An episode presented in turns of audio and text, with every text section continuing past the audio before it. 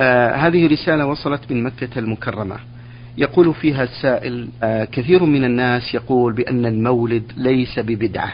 لأن فيه آه، ذكر للرسول صلى الله عليه وسلم وتمجيد لذكره وليس فيها له من غناء وغيره بل هو ذكر فقط في سيرة المصطفى صلى الله عليه وسلم.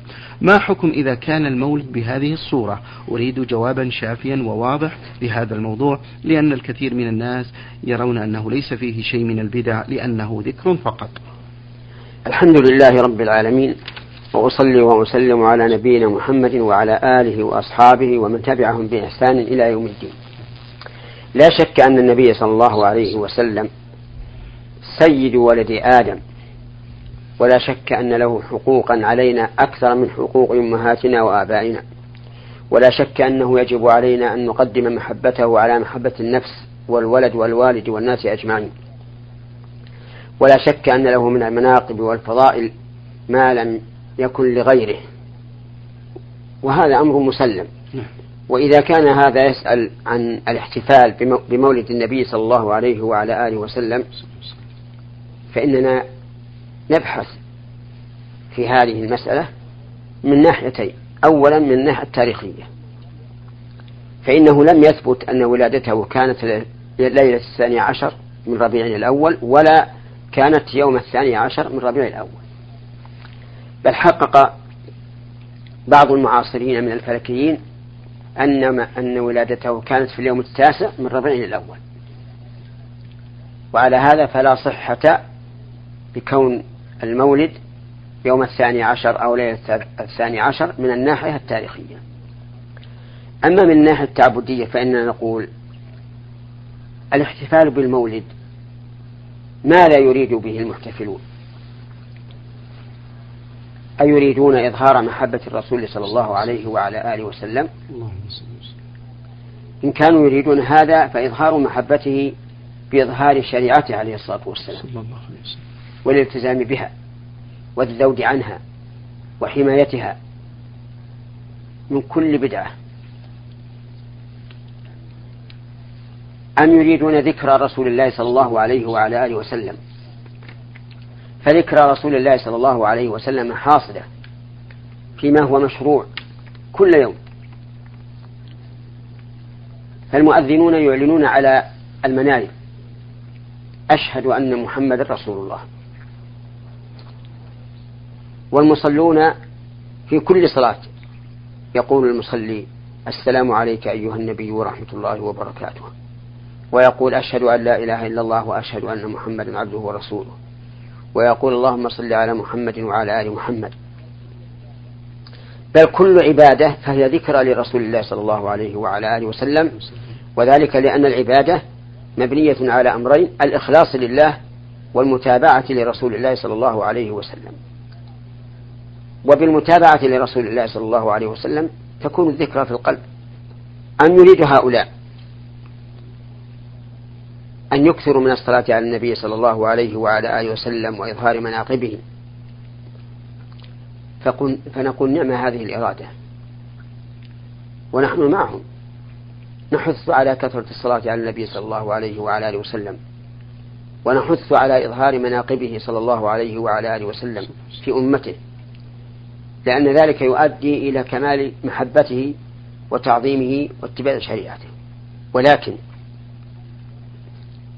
هل ورد هذا مقيدا بذلك اليوم الذي ولد فيه الرسول صلى الله عليه وعلى آله وسلم؟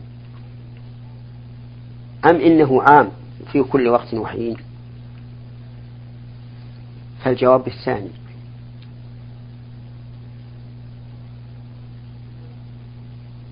ثم نقول اقرأ قول الله عز وجل والسابقون الأولون من المهاجرين والأنصار والذين اتبعوهم بإحسان رضي الله عنهم ورضوا عنه. فهل نحن متبعون للمهاجرين والأنصار في إقامة هذا المولد؟ بل في إقامة الاحتفال بمولد النبي صلى الله عليه وعلى آله وسلم؟ فالجواب لا. لأن الخلفاء الراشدين والصحابة أجمعين والتابعين لهم بإحسان وأئمة المسلمين من بعدهم لم يقيموا هذا الاحتفال ولم يندبوا إليه أبدا. أفنحن أحق برسول الله صلى الله عليه وعلى آله وسلم منهم؟ أم هم غافلون مفرطون في إقامة هذا الحق للرسول صلى الله عليه وعلى آله وسلم؟ أم هم جاهلون به؟ لا يدرون عنه. كل هذا لم يكن. لأن وجود السبب مع عدم المانع لا بد أن أن يحصل مقتضاه. والصحابة لا مانع لهم من أن يقيموا هذا الاحتفال. لكنهم يعلمون أنه بدعة وأن صدق محبة الرسول عليه الصلاة والسلام في كمال اتباعه. لا أن يبتدع الإنسان في دينه ما ليس منه. فإذا كان الإنسان صادقا في محبة الرسول صلى الله عليه وعلى آله وسلم وفي اعتقاده أنه سيد البشر فليكن ملتزما بشريعته. ما وجد في شريعته قام به وما لم يوجد. أعرض عنه. هذا خالص المحبة وهذا كامل المحبة. ثم إن هذه الموالد يحصل فيها من الاختلاط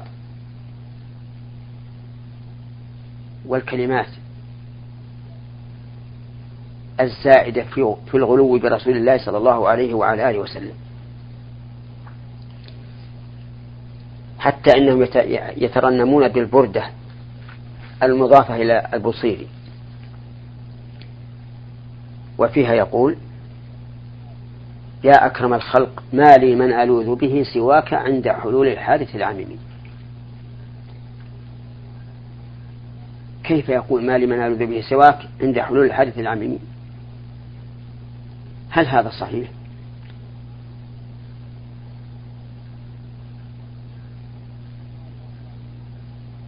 هذا يعني أن هذا الذي أصيب بالحادث لا يلجأ إلى الله عز وجل ولا يلوذ بالله عز وجل وهذا شرك.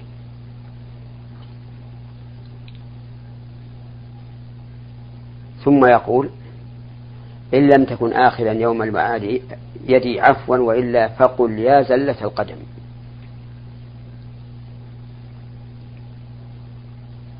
فهل الرسول عليه الصلاة والسلام ينقذ الناس يوم المعاد؟ إن دعاء الرسل عليهم الصلاة والسلام في ذلك اليوم اللهم سلم اللهم سلم عند عبور الصراط. ثم يقول نعم ويقول أيضا في هذه القصيدة فإن يخاطب النبي صلى الله عليه وعلى آله وسلم فإن من جودك الدنيا وضرتها. الدنيا وضرتها هي الآخرة. من جود الرسول صلى الله عليه وسلم وليست كل جوده بل هي من جوده وجودها أجود من هذا. فإذا جعل الدنيا والآخرة من جود الرسول عليه الصلاة والسلام ماذا بقي لله تعالى في الدنيا والآخرة؟ لم يبقى, لم يبقى شيء.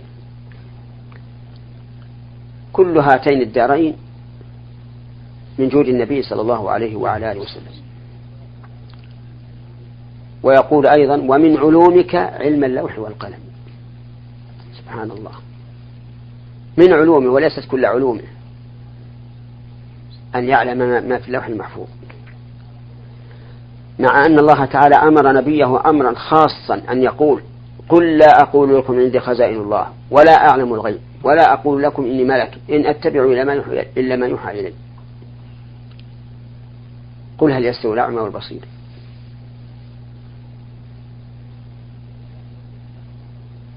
فإذا كان النبي صلى الله عليه وعلى آله وسلم لا يعلم ما غاب عنه في الدنيا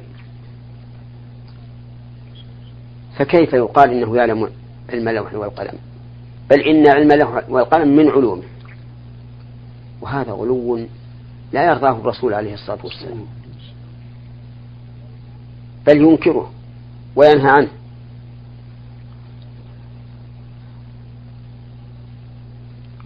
ثم إنه يحصل بهذا الاحتفال بالمولد أشياء تشبه حال المجانين. سمعنا أنهم بينما هم جلوس إذا بهم يفزون. ويقومون قيام رجل واحد. ويدعون أن النبي صلى الله عليه وسلم حضر في هذا المجلس وأنهم قاموا احتراما له. وهذا لا يقع من عاقل. فضلا عن مؤمن. أشبه ما له الجنون. فالنبي صلى الله عليه وعلى آله وسلم في قبره لا يخرج إلا يوم البعث. كما قال عز وجل ومن ورائهم برزخ إلى يوم يبعثون. والخلاصة أن الاحتفال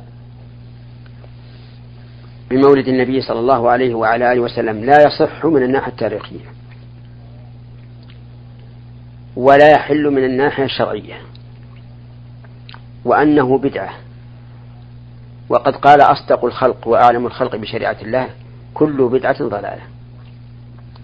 وإني أدعو إخواني المسلمين إلى تركه والإقبال على الله عز وجل وتعظيم سنة النبي صلى الله عليه وعلى آله وسلم وشريعة وشريعته وأن لا يحدث الإنسان في دين الله ما ليس من شريعة الله.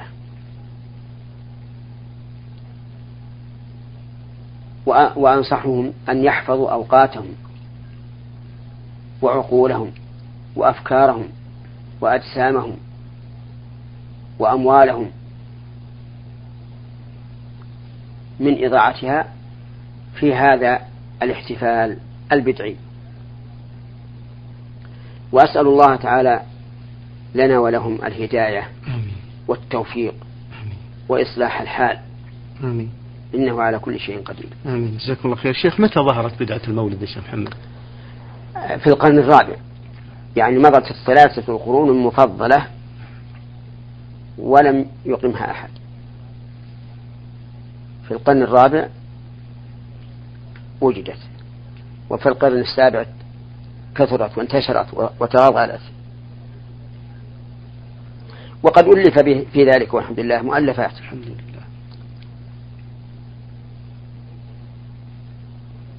تبين أول هذه البدعة وأساسها ومكانتها من الشرع وأنها لا أصل لها في شريعة الله. نعم. حفظكم الله وسدد خطاكم. آه، يقول السائل في سؤاله الثاني ما حكم صيام الثامن من رجب والسابع والعشرين من نفس الشهر؟ تخصيص هذه الأيام بالصوم بدعة. فما كان يصوم يوم الثامن والسابع والعشرين ولا أمر به ولا أقره فيكون من البدع. نعم. أحسن الله إليكم. السائل أسامة عين عين قد يقول قائل تفضل. كل شيء عندكم بدعة. وجواب عليه حاشا والله. إنما نقصد البدعة في الدين. وكل شيء تعبد الإنسان به لله عز وجل بدون دليل من الكتاب والسنة فهو بدعة. ولهذا قال النبي صلى الله عليه وسلم عليكم بسنتي وسنة الخلفاء الراشدين المهديين من بعدي وإياكم ومحدثات الأمور. فالمراد البدعة في الدين الذي يتقرب به الإنسان إلى الله عز وجل من عقيدة أو قول أو فعل. فهذا بدعة وضلالة. أما البدعة فيما يتعلق بأمور الدنيا فكل شيء نافع من أمور الدنيا وإن كان لم يكن موجودا من قبل فإننا لا نقول إنه بدعة. بل نحث عليه إذا كان نافعا. وننهى عنه إذا كان ضارا. نعم. أحسن الله إليكم. السائل ميم سين سين يقول في بلدنا آه، نقوم بإخراج زكاة الفطر على شكل نقود وإذا أردنا أن نخرج مما سنه الرسول صلى الله عليه وسلم من بر أو شعير أو رز قد لا نجد من يأخذ منا ذلك فوجهونا مأجورين. إخراج زكاة الفطر نقودا. غلط. ولا يجزئ صاحبه. لقول النبي صلى الله عليه وعلى آله وسلم من عمل عملا ليس عليه أمرنا فهو رد أي مردود عليه. وثبت في البخاري وغيره عن ابن عمر قال فرض رسول الله صلى الله عليه وعلى آله وسلم زكاة الفطر صاعا من تمر أو صاعا من شعير. فرض صاعا من تمر أو صاعا من شعير. والفرض يعني الواجب القطعي. لكن بعض أهل العلم رحمهم الله جوز أن يخرجها من النقود.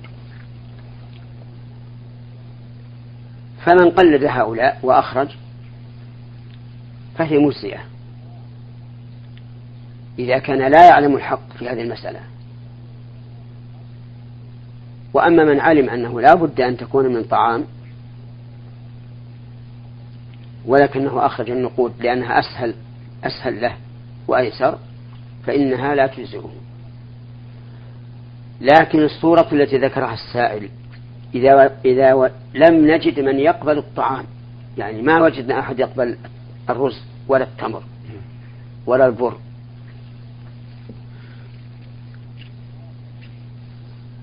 وأنهم لا يقبلون إلا النقود فحينئذ نخرجها نقودا. فنقدر قيمة الصاع من من أوسط ما يكون ونخرجها. نعم. أحسن الله إليكم. في سؤاله الثاني يقول أنا أعمل في مجال المحاسبة ومراقبة دوام وعمل الموظفين وأقوم بإيضاح سير العمل لصاحب المؤسسة ومن ذلك مثلا أقول له بأن فلان قد غاب أو تأخر أو أنه أخطأ بكذا وعمل, وعمل كذا وذلك لأبين لصاحب المؤسسة الخلل الموجود ليقوم هو بعلاجه فهل أنا آثم على ذلك؟ على الرغم من نصحي للموظفين قبل أن أكلم صاحب المؤسسة ولكن دون جدوى منهم أفيدوني مأجورين؟ أقول إن عمل هذا السائل عمل طيب مشكور عليه مثاب عليه وهذا مقتضى الأمانة. أن لا يحابي أحدا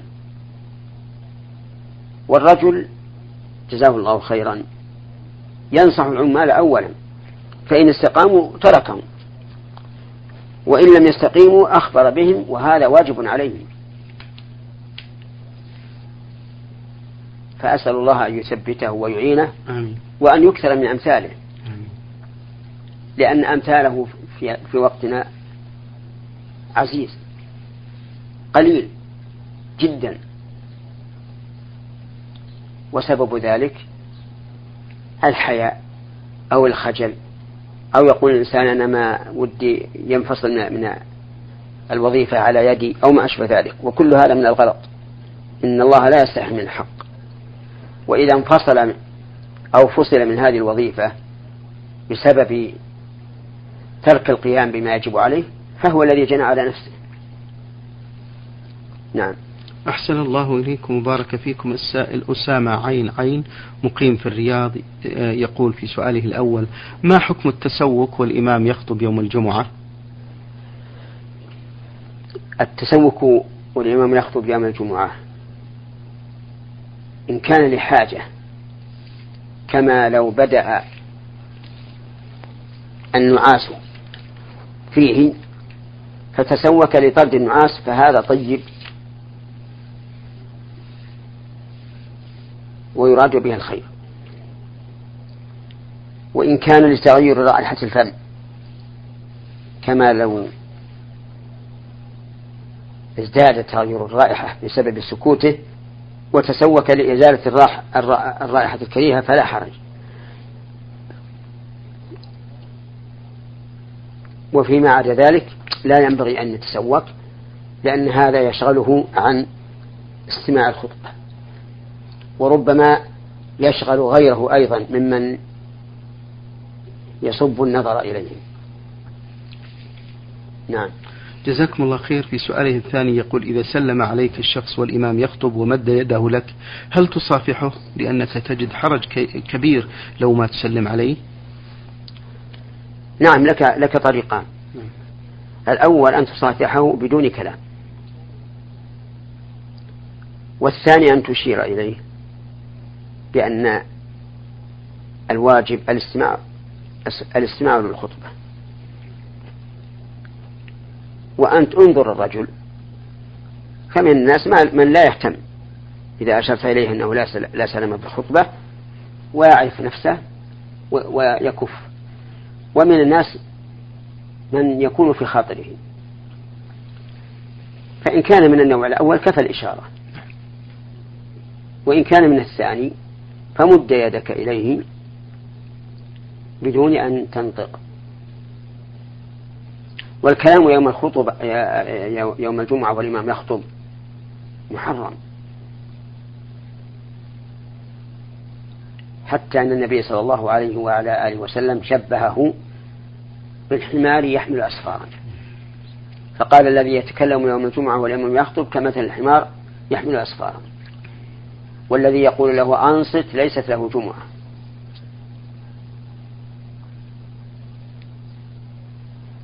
والمعنى يقتضي هذا. لأننا لو أبحنا لكل إنسان أن يتكلم ضاعت فائدة الخطبة. مع أن الخطبة واجبة ويجب السعي إليها. كما قال عز وجل يا أيها الذين آمنوا إذا نودي للصلاة من يوم الجمعة فاسعوا إلى ذكر الله وذروا البيع. نعم. أحسن الله إليكم آه السائل محمد الهنزي من القصيم يقول نعم. آه يقول شيخ الإسلام رحمه الله في الدعاة المبتدعة الذين يدعون إلى الإسلام مثل الأشاعرة والمعتزلة ويقول إن عملهم محمود لأنهم ينقلون هؤلاء من الكفر الذي يخلد الذي يخلد صاحبه في النار إلى الإسلام. وإن كان صاحبه مبتدعا. وفي هذا العصر وجد من هم على هذا النمط من الدعاة المنحرفين عن منهج أهل السنة والجماعة. فما رأي فضيلة الشيخ حفظه الله؟ رأينا بقطع النظر عن صحة هذا الكلام عن شيخ الإسلام أو لا لأنني لم أعثر عليه. ولكني لم أكن أحط بما كتبه شيخ الإسلام رحمه الله. لكن أقول إن الدعوة إلى الخير خير. من أي أحد جاءت.